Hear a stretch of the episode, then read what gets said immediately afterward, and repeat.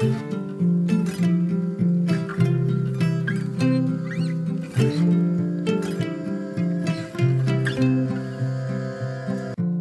listening to the podcast for Health med Anna Sparre, a Swedish podcast, but since we sometimes have English speaking guests, we also do English episodes. This is the English version of episode 220 about copper and iron and the very important ceruloplasmin. An interview with the extremely popular but also controversial Morley Robbins. Have you been fooled to believe that copper is the bad guy that needs to be held back by zinc? Or that iron is a mineral you are deficient of? Wrong, wrong, wrong. Listen today and your world will be rocked. For Swedish listeners, the previous episode, episode 220, is the main episode. That version of the interview has Swedish summaries and explanations to help you understand this subject even better. You can find more information if you go to forhealth.se or to facebook.com slash forhealth.se or go to Instagram where you'll find me as A Sparre. A S P A R R E. Please share this podcast episode on Facebook, in your Facebook groups, and to a friend if you like it. And don't forget to leave your review in iTunes. Thank you, and enjoy the show.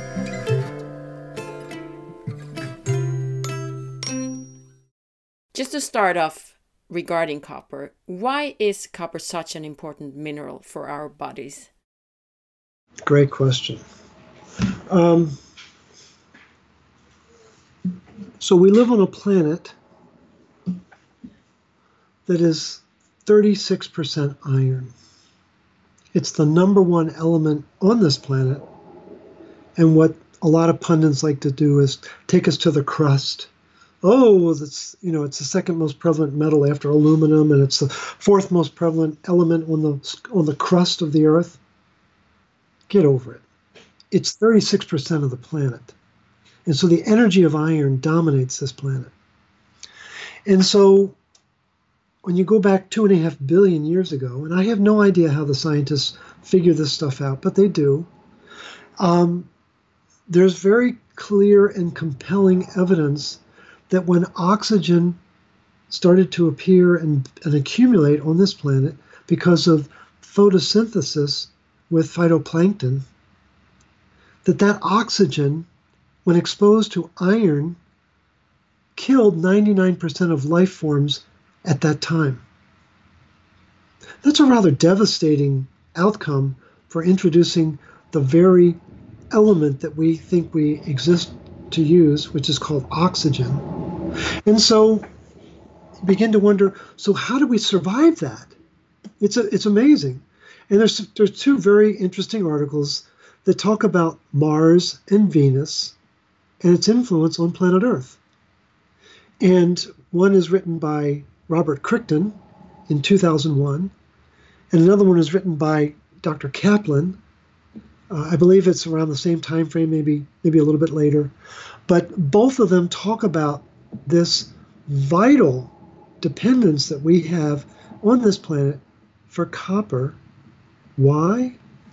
Because copper is the only element on this planet that allows us to activate oxygen and turn it into water so that the mitochondria can work. And so the biggest distinction between iron and copper, there are a couple of things we need to point out. One is that for every atom of copper, there's 60 atoms of iron. That's an important statistic for people to get into their head. On the planet or in the world or in their bodies? I mean, sorry. In our body, in our body. Yes. So we have 60 times more iron in our body than we have copper. And 80% of the iron in our body is in what's called the erythron, which is referring to the whole spectrum of activity related to birthing, using, and recycling red blood cells. 80% of our iron is tied up in red blood cells. And what, is, what does a red blood cell do? it carries, transports. Yeah. It carries oxygen. It's a waiter. The iron inside that red blood cell is a waiter for oxygen. And it turns out that the chef is in the mitochondria called copper at complex 4 where it slices and dices that oxygen so that it becomes water, two molecules of water, which then release what are called ADP. Those are the precursor energy molecules that go to complex 5 to become ATP, but it's actually spelled magnesium hyphen ATP. Because without that magnesium ion, the body can't see the energy molecule and cannot use the energy molecule because the magnesium stabilizes it so that it can be used. So that that's that's one aspect of why copper is important. A second is that when there there are always accidents with oxygen. It's a very volatile element, as you can imagine. And those accidents with oxygen are called oxidants. They're also called free radicals. They're also called reactive oxygen species. And what we're getting into is what's called redox chemistry. It's the reduction and oxidation that is passing electrons between substrates all over our body. And that's how our body communicates is by by moving electrons hither and yon. That's that's how the body exists.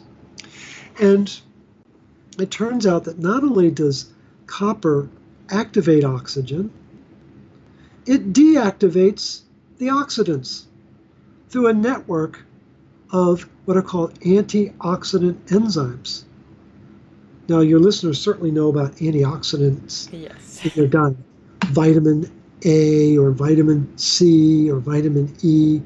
Well, those are kid stuff compared to the antioxidant enzymes that are the, the master regulators of oxidative stress. And the, the granddaddy of all antioxidant enzymes is called ferroxidase, which your listeners have never heard of outside of anything they might have read from me, but, but they would never have heard of it from any conversation with any nutritionist or any practitioner on this planet. Why? Because it's not taught in any of those programs. Um, but there's a there's a whole network of them. There is um, superoxide dismutase. It's called there's there's three different forms of it. There's SOD1, which is has two copper atoms and one zinc. Copper is catalytic, zinc is structural. There's a big difference between catalytic and structural minerals, I can assure you of that. Then there's SOD3, which is the extracellular form of SOD, and it's just copper, based on copper. It's also called erythrocyte SOD. And then the third form is called manganese SOD. And everyone loves to play that, you know, SOD2 card, saying, oh, see, see, copper doesn't do that. Well, it turns out that in a mitochondria that's jammed full of iron, that manganese gets overwhelmed by the iron and it becomes iron SOD, which is the very source of the oxidative stress that kills the mitochondria. Um, other key enzymes are catalase and glutathione peroxidase, which are very important for neutralizing hydrogen peroxide. But then we continue to go on with peroxidase, which is a very important antioxidant enzyme in our uh, blood. Then we have haptoglobin and hem- hemopexin. Again, these are antioxidants that are very important for hemoglobin and heme. And again, these are these are all in the literature, but they're not on the internet. And so copper is instrumental for the function of those antioxidant enzymes across the board. And and there are the there's a whole class of, of enzymes called multi copper oxidases, MCOs, and they have six copper atoms inside them. And what they're able to do is they're able to turn oxygen into water in one fell swoop. which is nothing short of a miracle on this planet. And so that's the second reason why copper is so important. And then the third is that what will shock your listeners is to find out that in fact it's bioavailable copper that enables new blood to form. I've got a series of about 12 slides that really explain this, but suffice it to say that I've identified five key steps in the literature that only copper can make happen in order to allow for the production of new red blood cells. In terms of catalase is very important to neutralize hydrogen peroxide. That that copper is, is, is essential in a whole series of enzymes in the production of heme that then becomes hemoglobin, which then becomes red blood cells. That the, the whole the whole process is dependent upon the red blood cell's ability before it becomes a red blood cell, the erythroid cell, um, to generate energy. If it can't generate energy, it can't make heme. And if it can't make heme, it can't make hemoglobin. And so all of this is is layered into the research, but it's not a one and done Google search. And so there are three key functions of copper activate oxygen, secondly, deactivate oxidants, and third, create new blood, create the erythroid cells that then become, and then what the other essential part of it is enabling the recycling of iron in what's called the reticulo endothelial system, which is a rather odd way of saying recycling. That's all it does. It's recycling iron. And and in fact, it's the ferroxidase enzyme, that master antioxidant enzyme, that is essential to regulate the back door of the five key cells that are involved in the recycling program. And if and if you don't have the, the doorman to open up the back door, the iron builds inside the tissue and it causes rust. Again, it's it's not rocket science. It's very well spelled out in the literature. And the first person who really started to piece this together was Dr. Harman back in 1950. He came up with what's called the free radical theory of aging, which is a very controversial theory, as you can imagine, because it pulls the curtain back on who the real bad guy is in, inside our body. And that aging is not adding years to our frame, it's adding iron to our frame, which causes oxidative stress, which causes every one of the signs and symptoms of aging on this planet.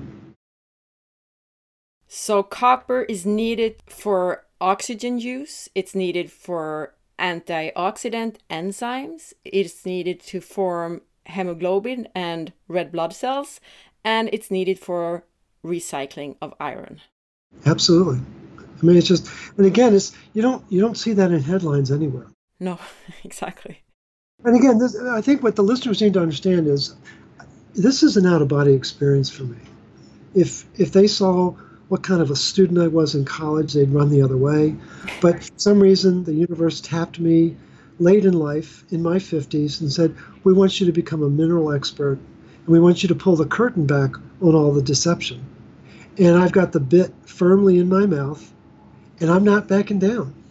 I've I've uncovered truths that have been buried over the last century that need to be brought forward so that we can heal this planet, so that we can heal each other. Because our ancestors did not rely on doctors. They knew what to eat and they knew how to correct stress in their lives, and we need to regain that wisdom.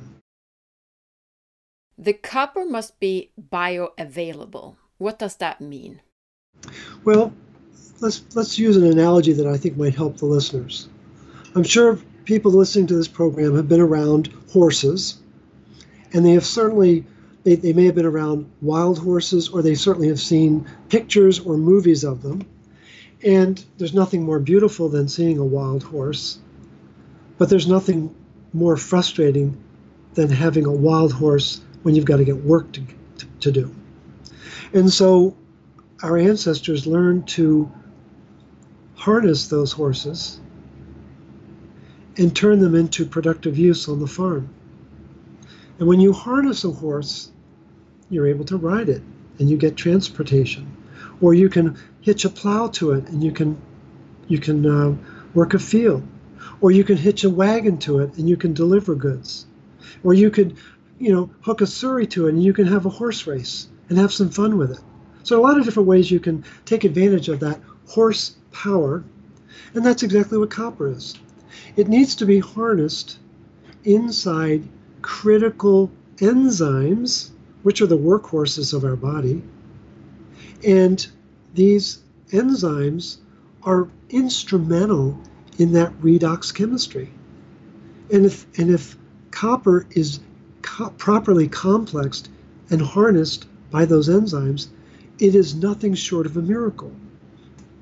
What the listeners have, have got to do is start questioning well, yeah, but I've got high copper in my in my hair, or I've got high copper in my serum.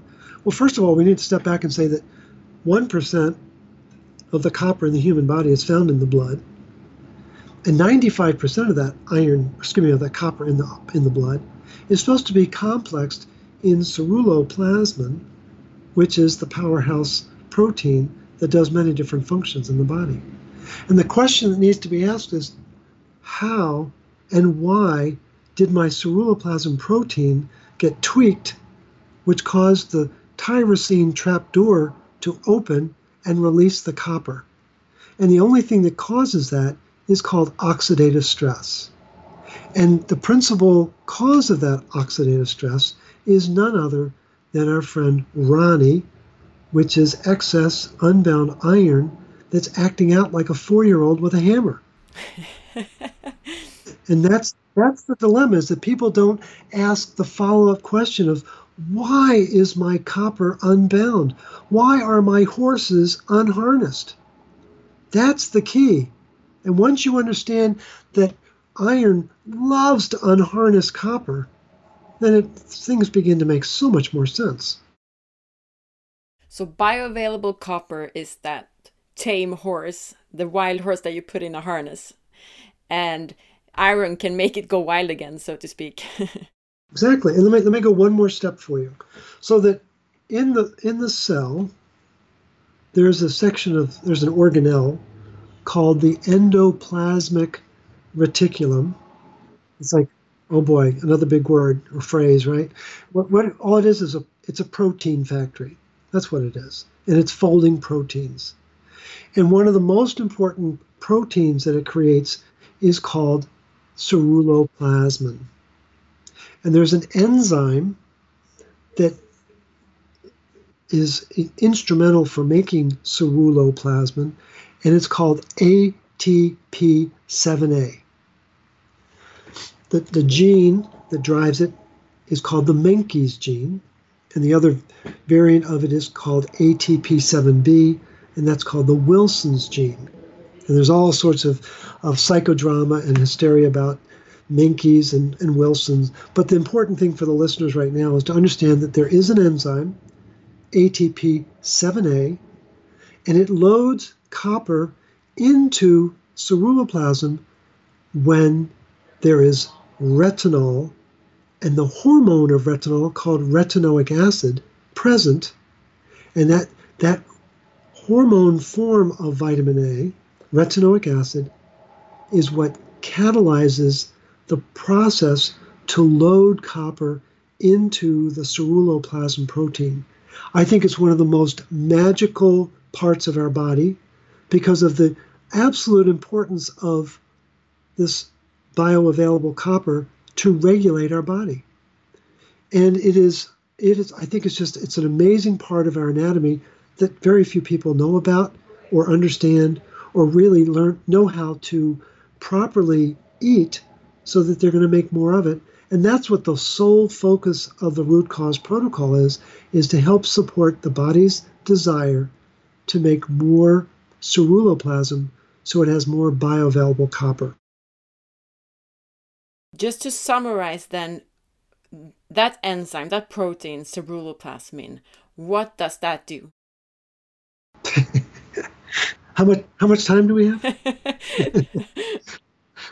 um, if you if you read the the conventional literature, you'll find that ceruloplasmin is an acute phase reactant responding to inflammation.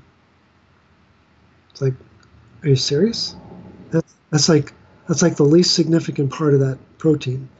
That that protein, um, I've I've got 15 different enzyme functions being done by the ceruloplasmin protein. And so the, the analogy that I use for people is to visualize a decathlete in the triath- in the um, Olympics. Those are the most amazing athletes in the field because they can do 10 completely different events that are a testament to their body's unbelievable uh, fortress and, and resilience. And so ceruloplasmin uh, is it, it's considered a, a transport protein for copper. And so to suggest that ceruloplasmin responds to inflammation and transports copper would be like saying that, that, that all Jesus did was ride donkeys and he was a carpenter. and, and we know that there's a little bit more to that story. And so, what's very important for the listeners to understand is that ceruloplasmin has this ferroxidase enzyme, which is essential for iron homeostasis, for the iron recycling program. But then it goes on that there's all sorts of, of metabolic events. It's, it's regulating nitric oxide, it's, re, it's preventing lipid peroxidation inside the arteries and the blood vessels. It's, it's regulating um, energy production. I mean, it's, it's, it's unfortunate that more people don't know who uh, Dr. Holmberg and Laurell were and they were Swedish physiologists who discovered ceruloplasmin in 1941 and then isolated it in 1944 and then really wrote extensive articles in 1947 and 1948 to describe its elegance and function. These are your countrymen who discovered this, and yet your followers don't even know who they are. Yeah, that's we should know in Sweden for sure. now we know though. Yeah, now you know. But what's what I find utterly fascinating is that the very year 1941, when they when these two noted scientists discovered and isolated this um, protein, was the very year they started adding iron filings, inorganic iron, to the wheat flour in the UK, Canada, and the United States. That is that is a demonic alignment of activity. And what is the most toxic form of iron on this planet? The inorganic form. Because it causes immediate rusting of the tissue. And then we're supposed to believe that it's, oh, it's gluten causing the problem. Please, wake up and be very mindful of the food that, that you're eating and what's its source and how is it grown and what's in the soil of the seed that's being used to grow that, that particular grain. People people are way too trusting at this point in our society. They've got to really become much more discerning about what is the source and the soil of my food.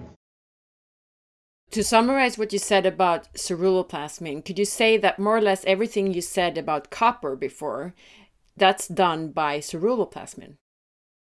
Great question, Anna. The thing is, um, here's an example. The, a lot of the literature will tell you that the biggest production of ceruloplasmin is the liver, and that's a secreted form of ceruloplasmin. Well, there's a membrane bound form, and it's called GPI ceruloplasmin. GPI standing for like 18 letters long. And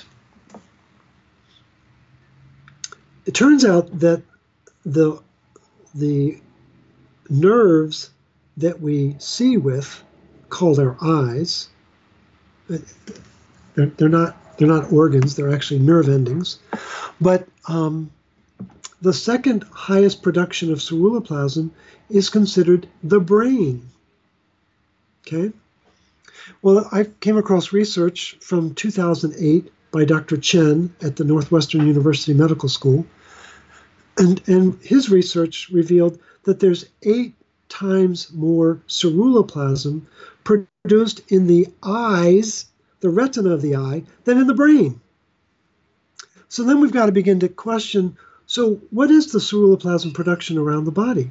Because it's being produced in tissue all over the body, in our gut, in our certainly our liver, but our pancreas, our kidneys, our heart.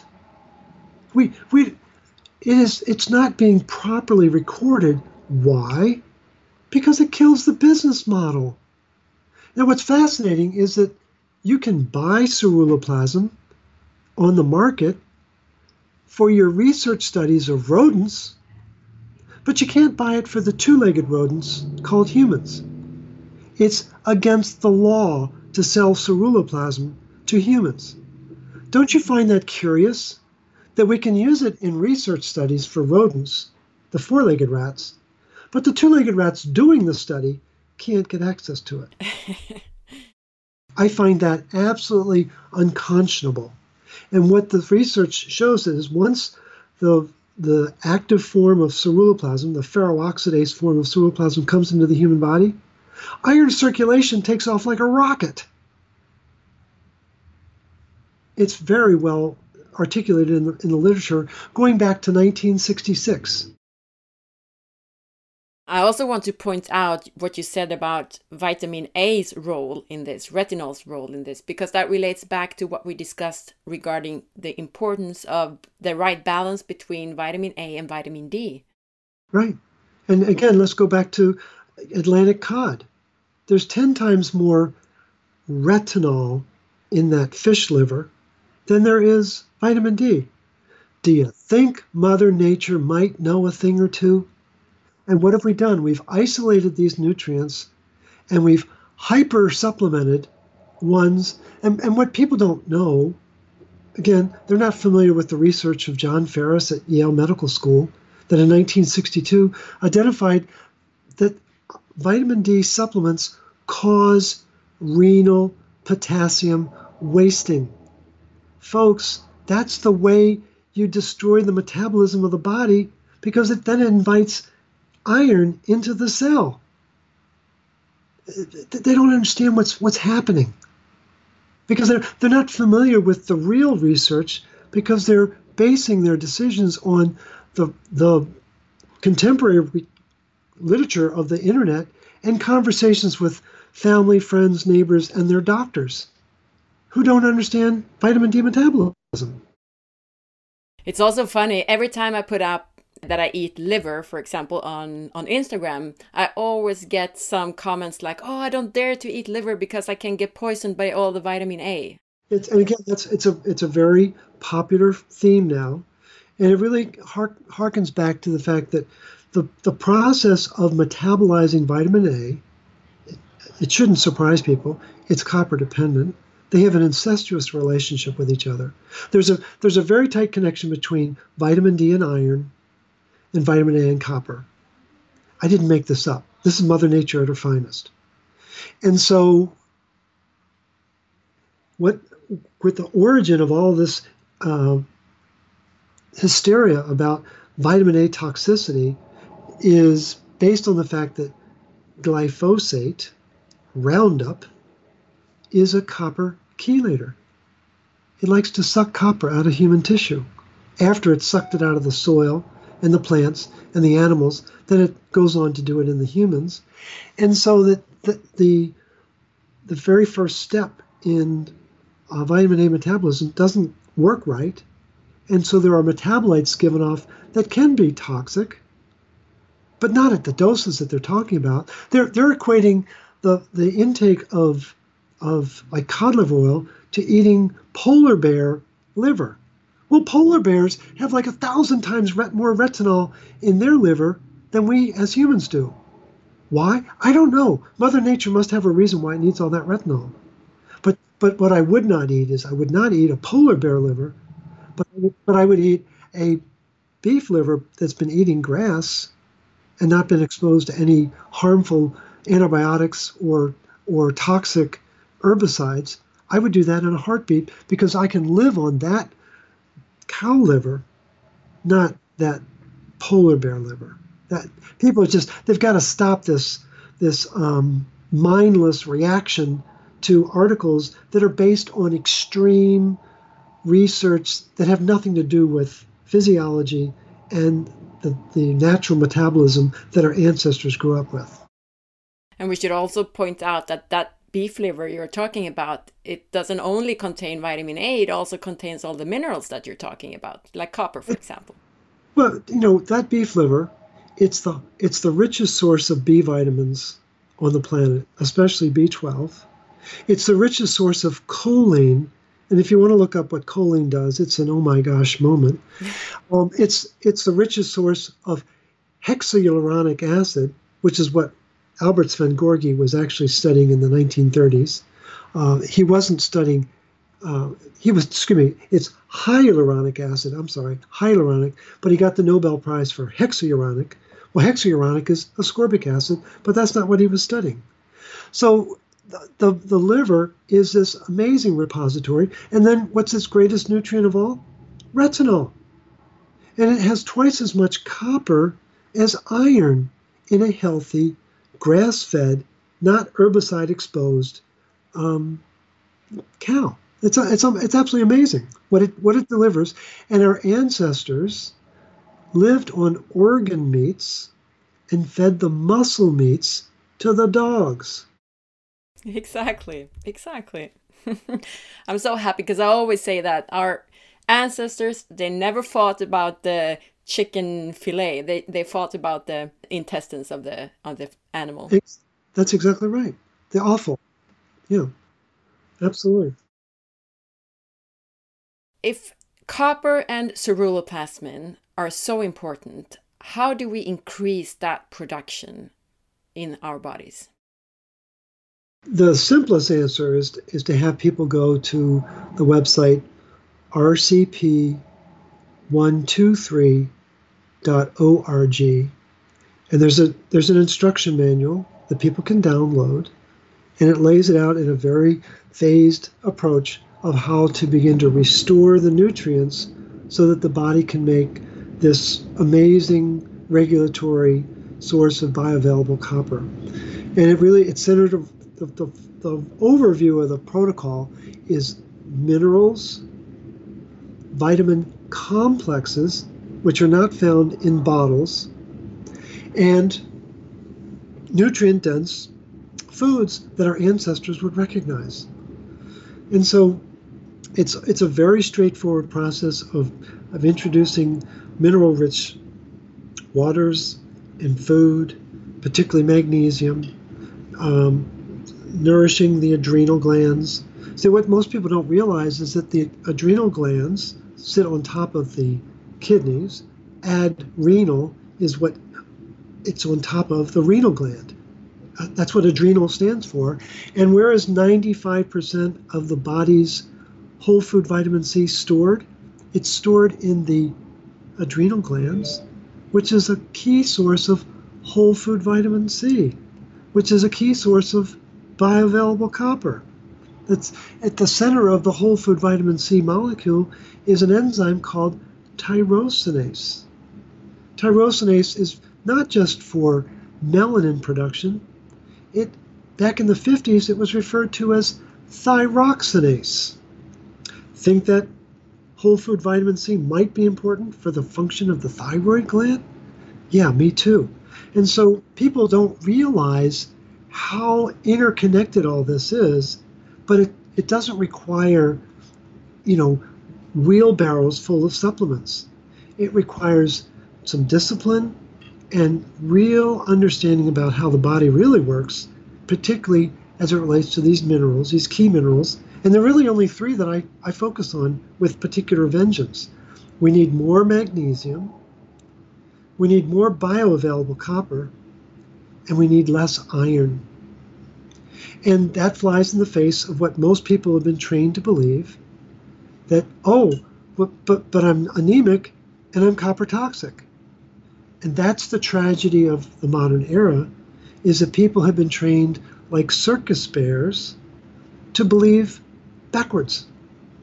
They don't realize that the system has been very deftly, very artfully training us to think backwards and not realize that when iron shows low in the blood, it's actually high in the tissue. And a blood test does not get to the tissue level of iron. And then when, when copper shows high in the blood, it means it's desperately low in the tissue. Again, there's no tissue marker. And so things are very frustrating very fast because the, the infrastructure of diagnosis is based on blood, which is one of the most misleading mediums for measuring metabolic balance. And all of the great um, mineral experts know this truth. And that's that's why these conversations like you and I are having are so important so that people can step outside of the conventional box that we've been put inside, this this mental box that that we think it only works one way, when in fact Mother Nature has a level of elegance and sophistication that is amazing and it's it's not nearly as complicated as people think it is, but it does involve being able to tease apart what the conventional thought is to get to the metabolic truth, which our ancestors knew centuries ago. I've seen the the RCP protocol, and as you said, I mean, more or less the only supplement that you recommend is magnesium, and apart from that, it's a lot of eating nutrient dense foods like like liver, for example, right. and some food based supplements like whole foods vitamin C, as you mentioned. But what do you say about copper supplements? Uh, we have to be really careful with copper supplements. Um, the copper, copper and iron, those are the only two metals that interact with oxygen. That's important for people to know. Only two. And um, and they have a torturous relationship with oxygen and with each other. But again, iron left with oxygen is going to create a lot of problems. And copper, when it's inside its enzymes, has a beautiful relationship with oxygen. When it gets oxidized and rusty, it, it can be a disruptive a- aspect. But again, let's get back to the fact that there's 60 times more iron in the body than copper. And so um, the copper, the, those two metals exist in what are called two different valences. There's a plus two form and a plus three form for iron, and there's a plus one and a plus two form for copper. And what's important for the listeners to know is that the body prefers to absorb the plus one form of copper.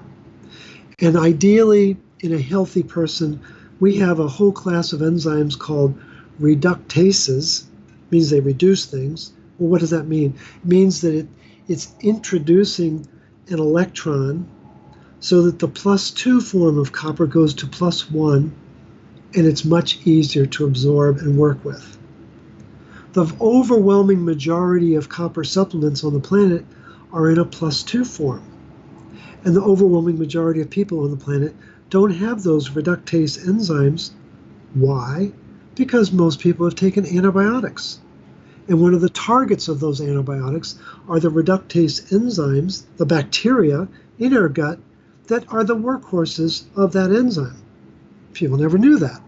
And so the, the reason why we're so focused on whole food forms of vitamin C and bee pollen and beef liver is because that's bioavailable copper at its finest, not coming from a test tube. Very, very cautious about um, synthetic forms of copper. And I just would caution the, the, the listeners that it's not a form of supplement that I work with. I, I really don't use synthetic forms of copper because it's just not advisable it, it's contraindicated in in the literature, but also in real life. Yeah, it's true, as you said. I mean, like in Sweden, we have a lot of rosehip, for example. That's a very rich source of vitamin C, but also of copper. Yes, absolutely. At the core, exactly. A lot of people are recommended to take iron supplements, and I sort of think I know what your take is on that, but please, anyway, let's hear your thoughts about iron supplements.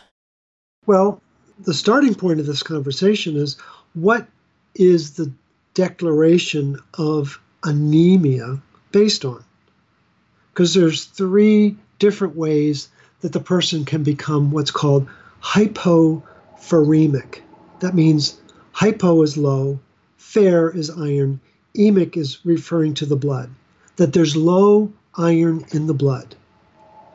And the three different ways that it can be measured is it can be low hemoglobin, again, reminding the listeners that that's where 80% of the iron is found in the hemoglobin, in the red blood cell, the erythron. Then a second way of measuring it is serum iron. And a third way of measuring it is serum ferritin. Now, a very popular way of measuring it today is ferritin, which I have renamed and I call it errortin. It's a source of error in diagnosis, especially when it's the only marker that's being measured. And I would encourage your listeners to be very scrutinizing of a practitioner that's determining iron homeostasis using a ruler called ferritin, which is wildly inaccurate. And let me explain why I say it's inaccurate. Ferritin is a intracellular protein that's showing up in an extracellular medium called blood. It is not synthesized in the blood, it is secreted in the blood. And it is only secreted by organs that are struggling with pathology. And that's a fact. So we have this conflict between intracellular and extracellular ferritin. Then we find out that actually ferritin has two forms there's a heavy chain form and a light chain form. What are you referring to? What's he what's he talking about now? Well, it turns out that this heavy chain form is based on ferroxidase enzyme function, which is very important for the efficient loading of iron into ferritin. The heavy chain form of ferritin is found in the heart. The light chain form of ferritin is found in the liver. And it turns out that they're both able to load copper, but the heavy chain does it multiples more efficiently than the light chain. Well, what we don't know is when we get a blood test, are they measuring light chain or heavy chain? We have no idea. And I can assure you that the heavy chain is all about the release of iron so it can support the iron recycling program. And the light chain is all about catch. Let's hold on to it. Let's not let it get into recycling, which is a very dangerous way to relate to iron.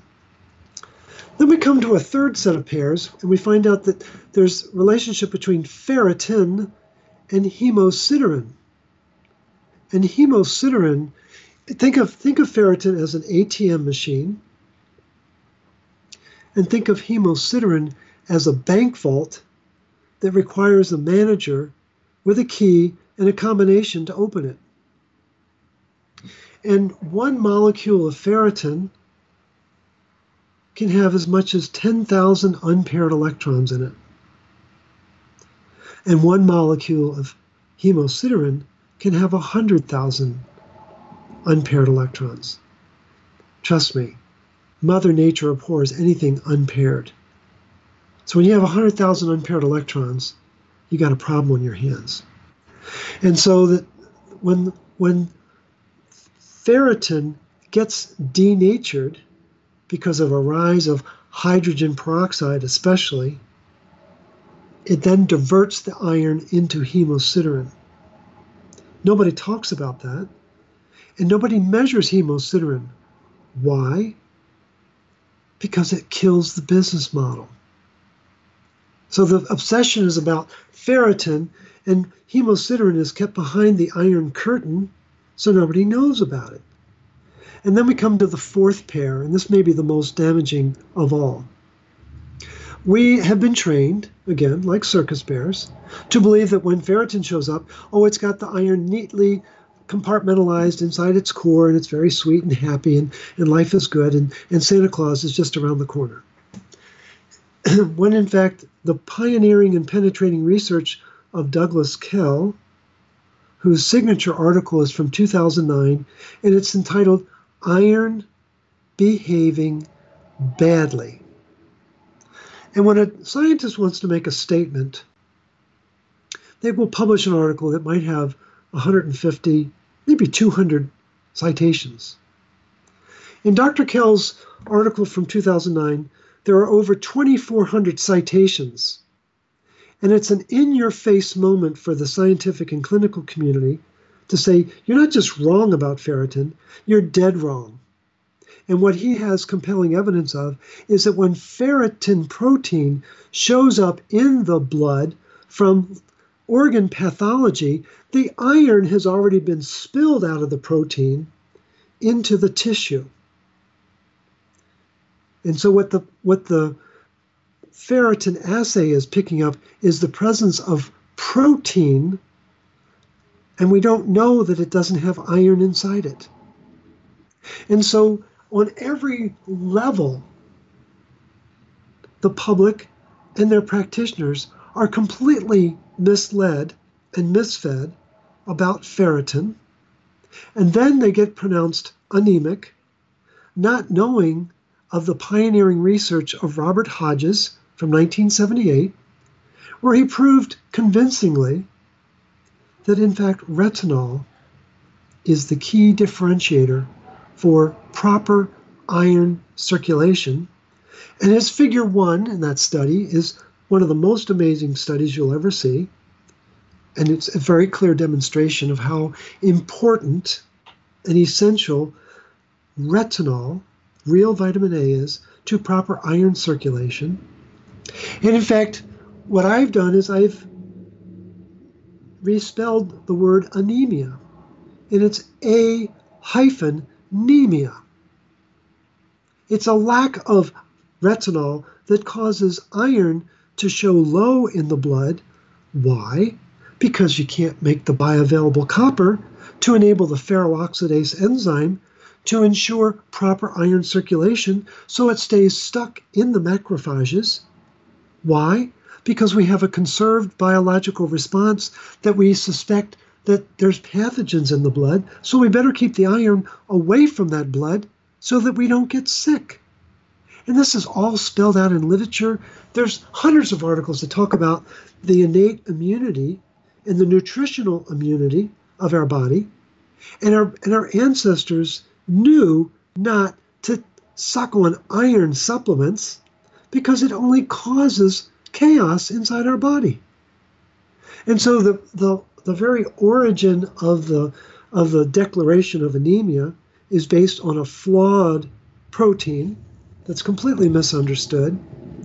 And this, the solution is a flawed supplement that has nothing to do with how the physiology of the body works. You want to increase your iron vitality and your iron circulation? You better focus on retinol and bioavailable copper.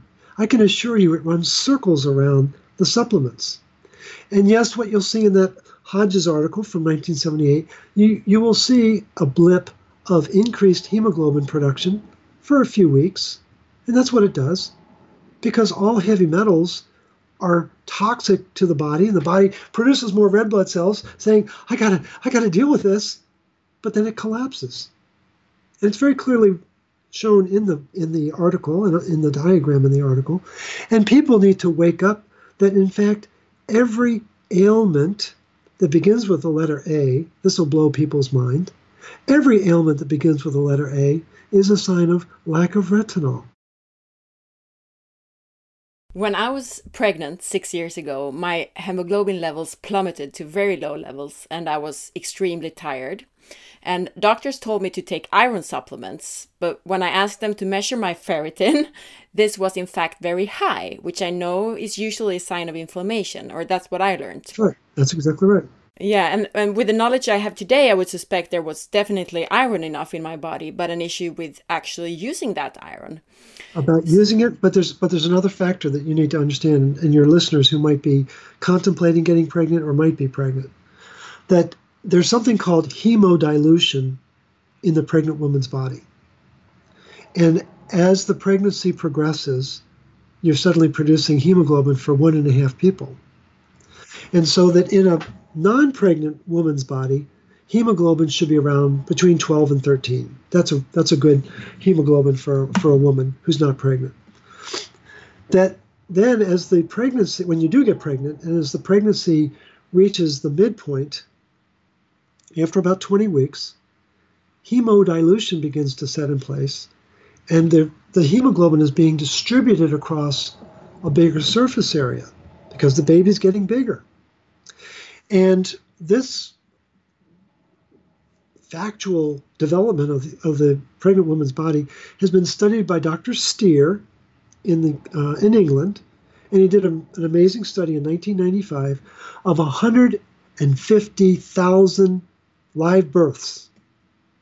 I would have been impressed if he'd done 150 or even 1,500. But he did 150,000 live births because he wanted to correlate the birth weight of the baby to the hemoglobin of the mother upon delivery. And what he discovered, much to everyone's shock and awe and disbelief, is that the healthiest weight babies are born to mothers who have a hemoglobin between 8.5 and 9.5, which is in, in, in direct conflict with conventional obstetrics and birthing practices, which tells you that when it gets below 12, oh, we, we get nervous. And when it gets below 10, we get apoplectic and we demand iron supplements.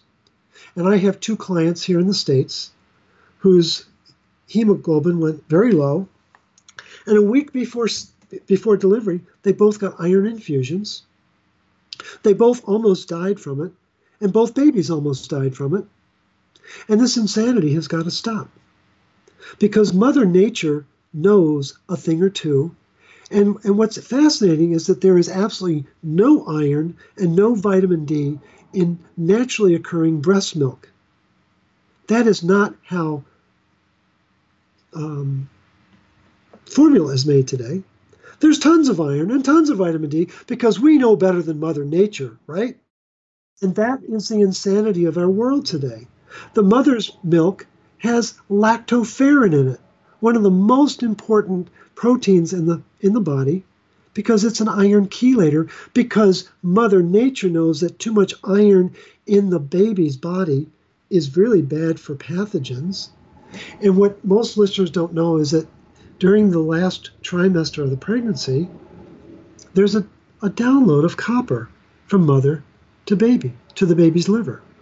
That Anna, you and I um, right now, as, as adults, we have about seven milligrams of copper in our liver, which is it's a lot. And when we were born, we each had 70 milligrams of iron. Excuse, excuse me, 70 milligrams of copper. We had a tenfold increase of copper in our liver if our if our mothers were healthy and doing the right thing. And then the the retinol download, again, you got to make the copper bioavailable, right? We got to have retinol. That comes by way of breast milk in the first year and a half of life. That's how Mother Nature designed our metabolism.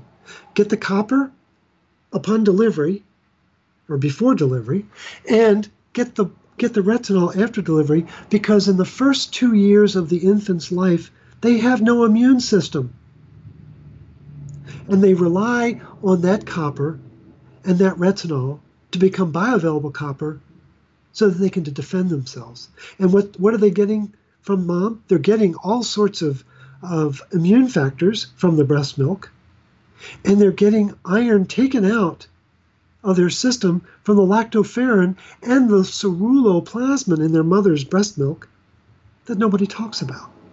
And that's only two of the 50 proteins that are found in naturally occurring milk. It's a beautiful symphony, for sure.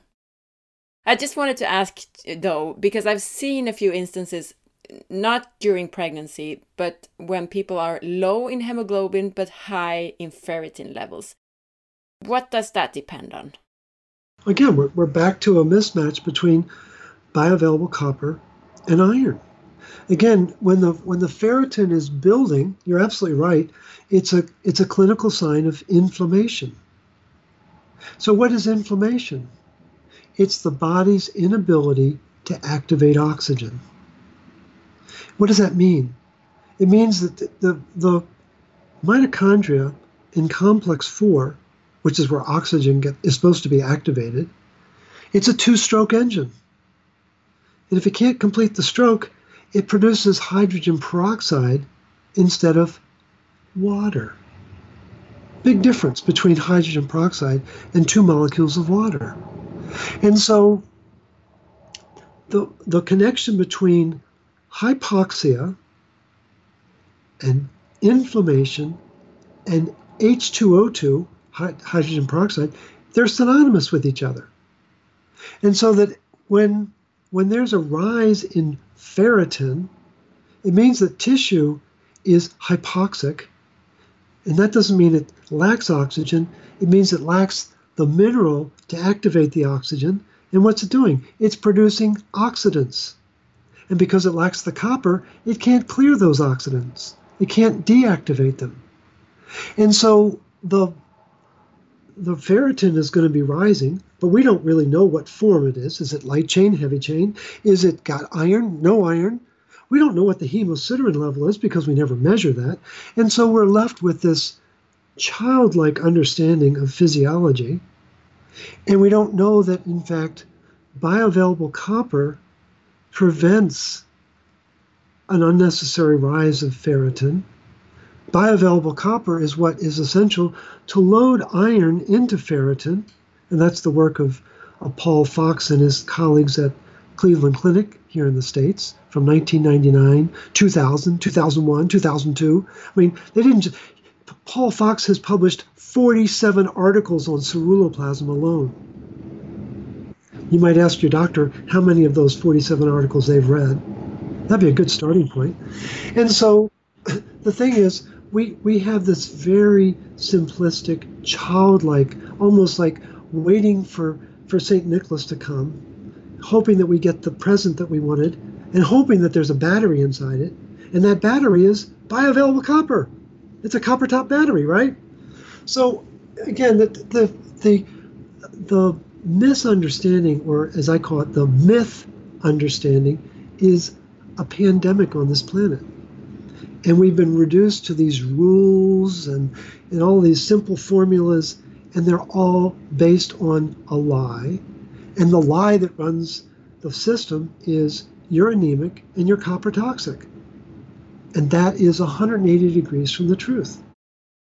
But with such big imbalances, like this example that we took with, with high ferritin levels and low hemoglobin, is it enough to get copper from whole foods sources, or, or do you need some kind of more powerful source of copper? No, I, I, again, I think what people need to do is be more disciplined about doing the root cause protocol they need to be more disciplined about doing emotional freedom technique to release the fears they have from their stress and their emotional traumas.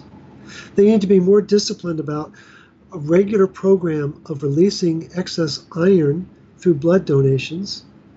Uh, cycling women should be doing it twice a year. Menopausal women should be doing it four times a year. And men should be doing it four times a year throughout their whole adult life. And if you begin to to introduce real food and the discipline around those principles, the most amazing thing happens. The body knows exactly what to do. And, and what your question is implying, it's a very important question, Anna, is that when people ask those types of questions about, well, shouldn't we be doing this or shouldn't we be doing that, it implies doubt about the, the body's intelligence, about the wisdom of Mother Nature. And what's behind doubt? It's always fear. And what does fear do? It attracts iron. And that's an effect in the world of farming. That that soil that is acidic attracts iron. And when we're in a state of fear, our soil becomes acidic, our gut becomes acidic. So people need to understand that there is there's a um, an emotional dynamic to this that affects our biology and our physiology, and it's very well documented. There's a, a wonderful article by Zamin Pira, Z A M I N P R P I R A, from 2018 or maybe it's it might even be 2019 forgive me but it's the title is chronic fear creates hypoxia which creates cancer. And people need to understand that this hypoxic response is not a lack of oxygen it's a lack of usable oxygen for lack of a bioavailable mineral called copper. And what is what is hypoxia on steroids it's called cancer. It's the most inflamed state we can be in. Again, hydrogen peroxide on steroids. And what's the iron content of cancer cells? Dramatically higher than the healthy cells right next to them. People have got to start connecting the dots here. It's all the same mechanisms. And this idea that, that our body doesn't have the natural capacity to take care of itself is based on the fear mongering programming of the system. And when people start to harness themselves to the, the, foods of their ancestors and start to deal with the stress of their lives and start to unload the excess iron in their blood through blood donations, the most amazing thing happens. The body regains its equilibrium, it gains homeostasis it gains the ability to bob and weave with the stress of life, which is what our ancestors did, but their diet was completely different than ours. So we just need to wake up to that reality. What pans do you use yourself? Because we are told to not use, you know, Teflon pans and synthetic pans like that. So instead, we're told to use cast iron pans. Should we use them or not? Uh, great question. I wouldn't get near a, a, Teflon pan. It's it's actually fluoride. Most people don't know that. Um, the, whenever you see the letter F, your ears should perk and say, "Ooh, I wonder if fluoride's in here," and that's exactly what Teflon is. Uh, and and what they also need to understand is that look at the labels for the drugs they're taking, and if the letter F shows up, it means it's fluoride activated. That's an important thing for people to know. But um, again, what were the pans of our ancestors? Cast iron. They were all seasoned properly. With what? Oils. And what did our ancestors start a meal with? They would start with some healthy fat, butter, lard, or beef tallow, and they would saute onions and garlic, and then they would cook something with it. Right? Mm, yeah. And, and so, what do we do? We put those vegetables that our ancestors used to cook in cast iron pans and put them in a Waring blender and make a soup out of it. And we lose the ability to use our teeth. Why do we have teeth? So we can chew. What does chewing do? It starts the digestive process in our mouth because the, the process of chewing activates the release of amylase into our mouth, which is where digestion starts. And so the I, I encourage my clients who are hell bent for having smoothies, I say turn them into choosies. Make sure that you put nuts and seeds and things that require chewing so that you can begin the digestion process.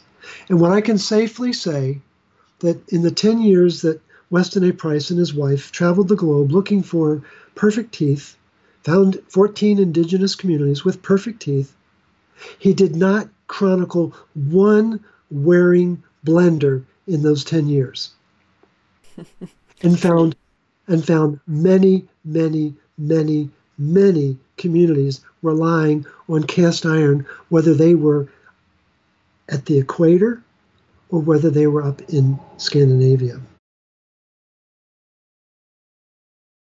You pointed out that blood tests don't show what's happening in the tissues. But I sometimes recommend people to do RBC testing, meaning that we test minerals in red blood cells. What's your take on that kind of testing? Yeah, no, I've I've long recommended that people get a, what it's called a magnesium red blood cell test, uh, in large part because the red blood cells don't have a mitochondria, and the way they make energy is through anaerobic glycolysis. And what's ironic about that is they're carrying oxygen, but they can't use that oxygen to make energy. And the, there are eight enzymes involved in breaking down sugars to make energy, and six of them require magnesium. So the magnesium in the red blood cell is very important. And the reason why energy is so important is that the more energy the cell has, the more flexible it is, the more malleable it is, the, the, the greater its ability to get into tight spaces, like in the periphery of the, of the body. And that's where the real, where some of the breakdown occurs is when the, you know, the toes and the legs don't get nourished with the nutrients and especially the oxygen because the, the red blood cells are too stiff because they don't have enough energy. Could you say then that that kind of RBC testing reflects what's happening in the tissues or just in the blood cells? That's a that's an excellent question. I think we've been lulled into a belief that what that the blood is a perfect reflection of the tissue. And I'm increasingly of the opinion that I don't think that's so. That the the level of, of like vitamin A in the serum isn't representative of what the vitamin A is in storage. That that the magnesium that might be in the blood, in the red blood cell, may not be what's showing in the tissue, uh, inside the cells of the tissue. That we know for a fact that iron in the blood is wildly misrepresentative of the iron that's being stored in either uh, ferritin in the tissue or in macrophages that can't recycle that iron because of, of um, nutrient deficiencies. They don't have enough retinol or not, not enough copper to fire up key enzymes to allow the recycling. So I, I think that there's a lot of confusion out there about what is the blood test revealing. And I think there's an, a, a very almost euphemistic belief that if the if the blood looks okay, then the body must be okay and I'm, I don't think that's the case. I think we're seeing, I think especially when it relates to the amount of oxidative stress that people are experiencing in their organs, and the and the markers are not showing up in the blood. A classic example is uh, the, the the go-to marker for inflammation is called C-reactive protein, or some practitioners like to use what's called the high sensitivity C-reactive protein, and that's actually a marker for liver inflammation. Well, if the inflammation happens to be taking place, you know, in your pancreas, or it's taking place in your brain, the C-reactive protein is not going to be triggered. And so, it, I think we we don't have a good measure for system-wide inflammation. And and why is inflammation so important? Because it means that oxygen is not being activated properly. And, and that's where the problems arise is that instead of turning oxygen into water, it's being turned into hydrogen peroxide. Well, hydrogen peroxide then reacts with iron and creates all sorts of chaos inside our cells. Okay, thank you for that explanation. So then I I interpret what you said as that, that kind of red blood cell testing is better than the serum testing, the normal blood testing, but it's still not probably reflecting properly what's happening in the tissues. Yeah, and that's what I do is I, I, I try to keep it simple and I use a hair test and a blood test. And between the two, and then of course the, the most important aspect of the process is to chat with the client to find out what the stress has been in their life, particularly in the last, say, five or 10 years. And that epicenter of stress is what's affecting mineral dynamics, which is then affecting enzymes and how they perform. And when enzymes don't work ideally, they create symptoms. And, and, and it's, it's that straightforward. So I rely on the, the stress profile the, and the mineral testing from a hair sample and a blood sample And I'm able to interpolate between those three what's really in play and how has this affected, especially the dynamic between bioavailable copper and iron. And that, that becomes the basis for the root cause protocol. I also wanted to get back to the relation between vitamin D levels and iron levels, if you could explain a little bit around that. So, um, when we start to talk about vitamin D, we have to be very careful about um, what are we using for a yardstick to measure the vitamin D levels. So that um,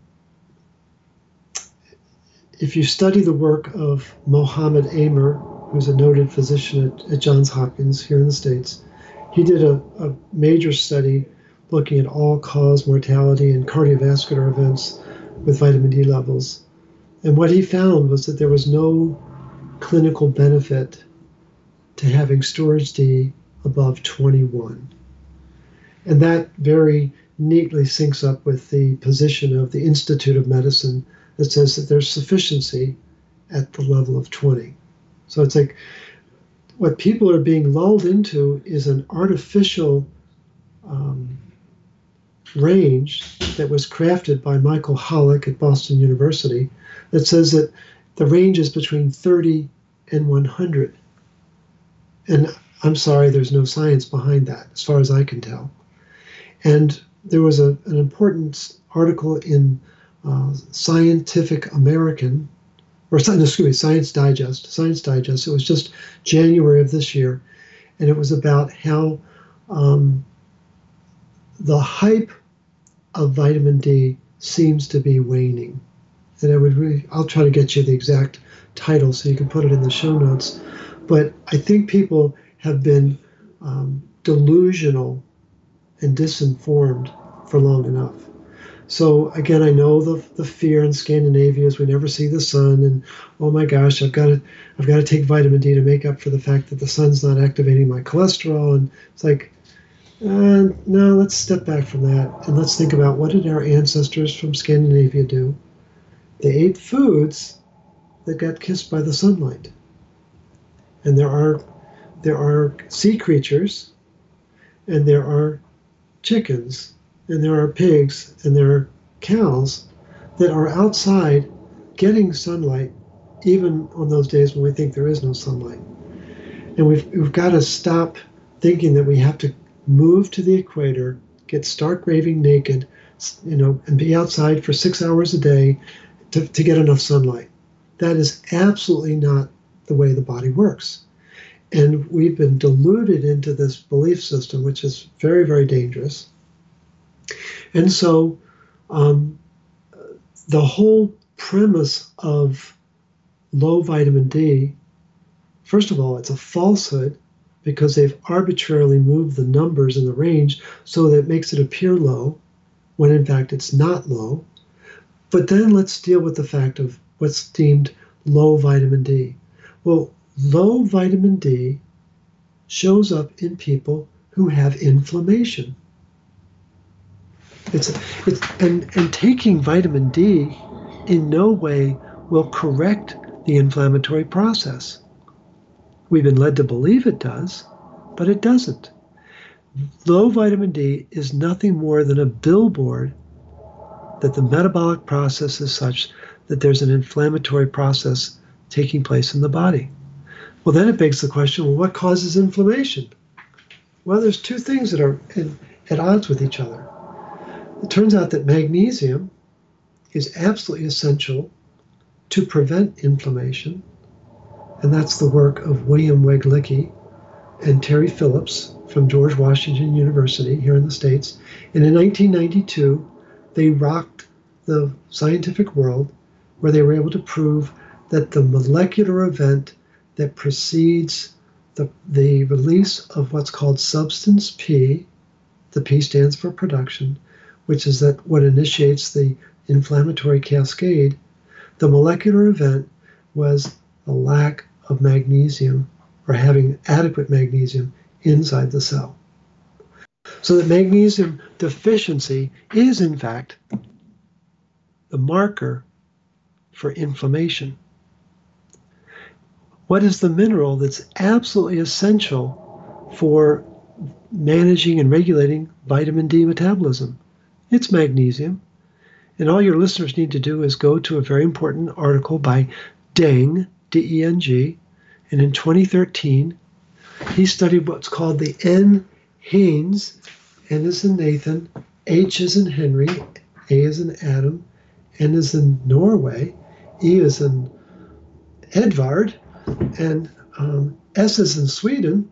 Um, the NHANES database, and figure one is a, an absolute must see because he's profiled the entire vitamin D metabolism. And what you'll see there is 12 different places where magnesium is essential. So that when we have an inflammatory process, means we don't have enough magnesium, and that's going to affect the ebb and flow of vitamin D metabolism. Then it begs the question well, what's causing magnesium to leave the cell? Well, it's always oxidative stress. And guess who's causing the oxidative stress? Our friend, our friend Ronnie, called iron. And so iron gets out of control in a society that thinks they're anemic because their doctor doesn't know how to interpret a blood test, because they think that iron in the blood is a perfect reflection of iron in the tissue, which goes back to the very beginning of our conversation.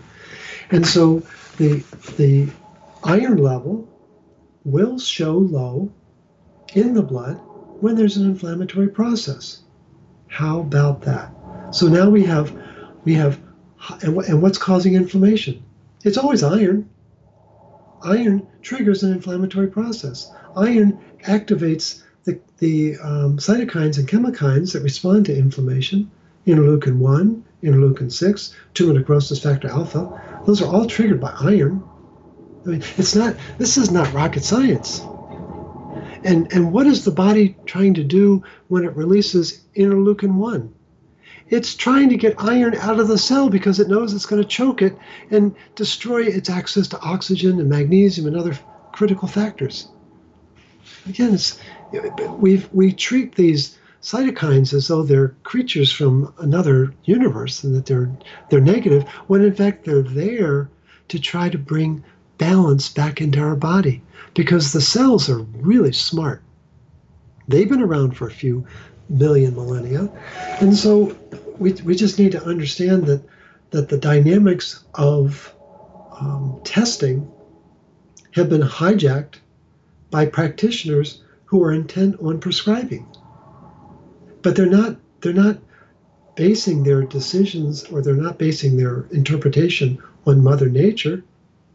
They're basing it on artificial paradigms and and um, ranges that have nothing to do with physiology. They, they just influence the sale of, of nutrients and medications, which I think is it's not right. That's that's not the way the process should unfold. And so people have been um, turned into creatures of fear.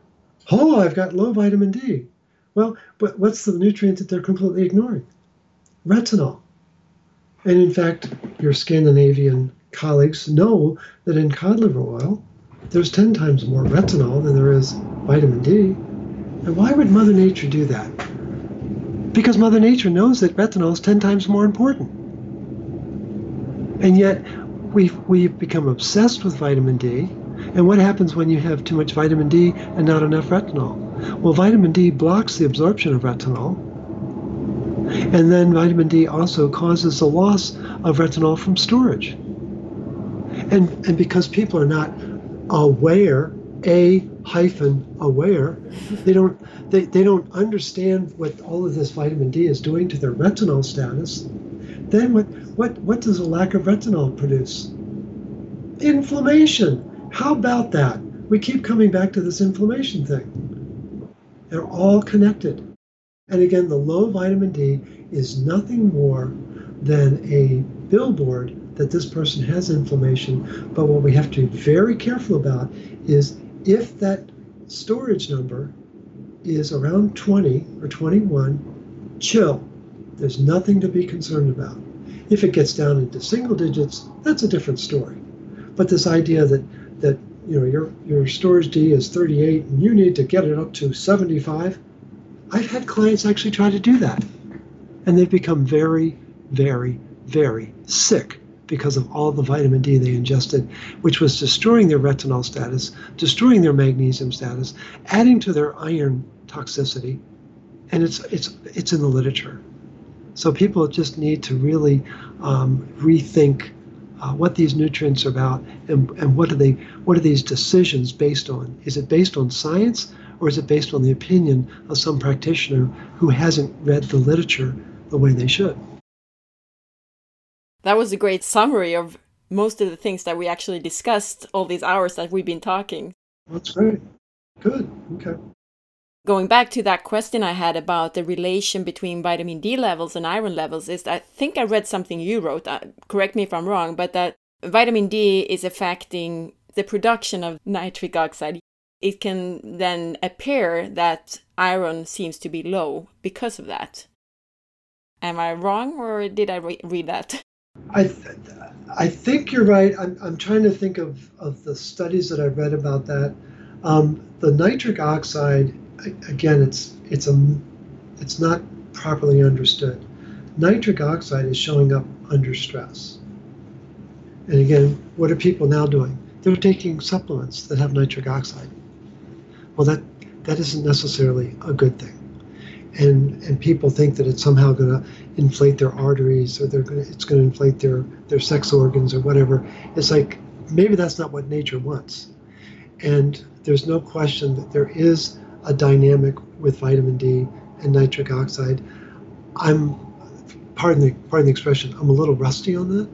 And again now you've, you've given me three things that I've got to look up now because um, I think that that uh, introduces a whole new variable about why there may be some misinterpretation of the of the iron because of the impact of vitamin D on nitric oxide.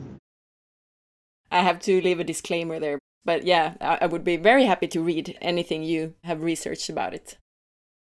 Yeah, what I'm looking at right now as I'm uh, seek, seeking the guidance of Dr. Google, there's there's clearly a relationship between nitric oxide and iron sulfur clusters.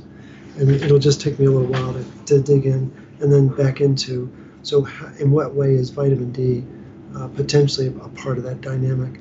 Because it, it makes a very interesting um, triangle to bring all three of those together. I think that would be actually fascinating.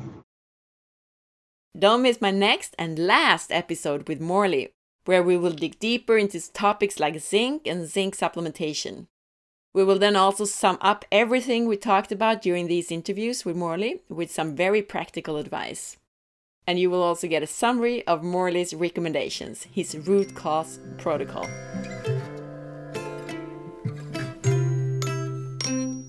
Thank you for listening. I hope you liked the interview. Don't forget to leave your review of the podcast in iTunes. Also, go to facebook.com slash forhealth.se to share the episode information with your friends or in your Facebook group. I hope that you're interested enough to check out our other English episodes. Most version B episodes are English. There are several episodes on cellular health and anti aging with Dr. Marcus Gitterle, episodes 216b about carnosine, 209b about cellular debris, 202b about mitochondria, and 183b about reversing aging. We also have episode 196b with Liz Lipski about autoimmunity in the gut, episode 192b about IBS and SIBO, episodes 172b and 173b are with functional medicine profile Umaru Cadogan about food and supplements as medicine, as well as about genetics and methylation. There is episode 159b with Dr. Carrie Jones about hormones, 155b with Diana Noland about functional medicine, 135b with Dr. Michael Ash about the microbiome, 93b with Stephanie Keto Person, And there's episode 65B about sleep, dark, light, and light therapy with Dr. Craig Hudson. Also, don't miss the other interviews with Morley Robbins. There will be four in total. Check it out and have a nice day. Bye!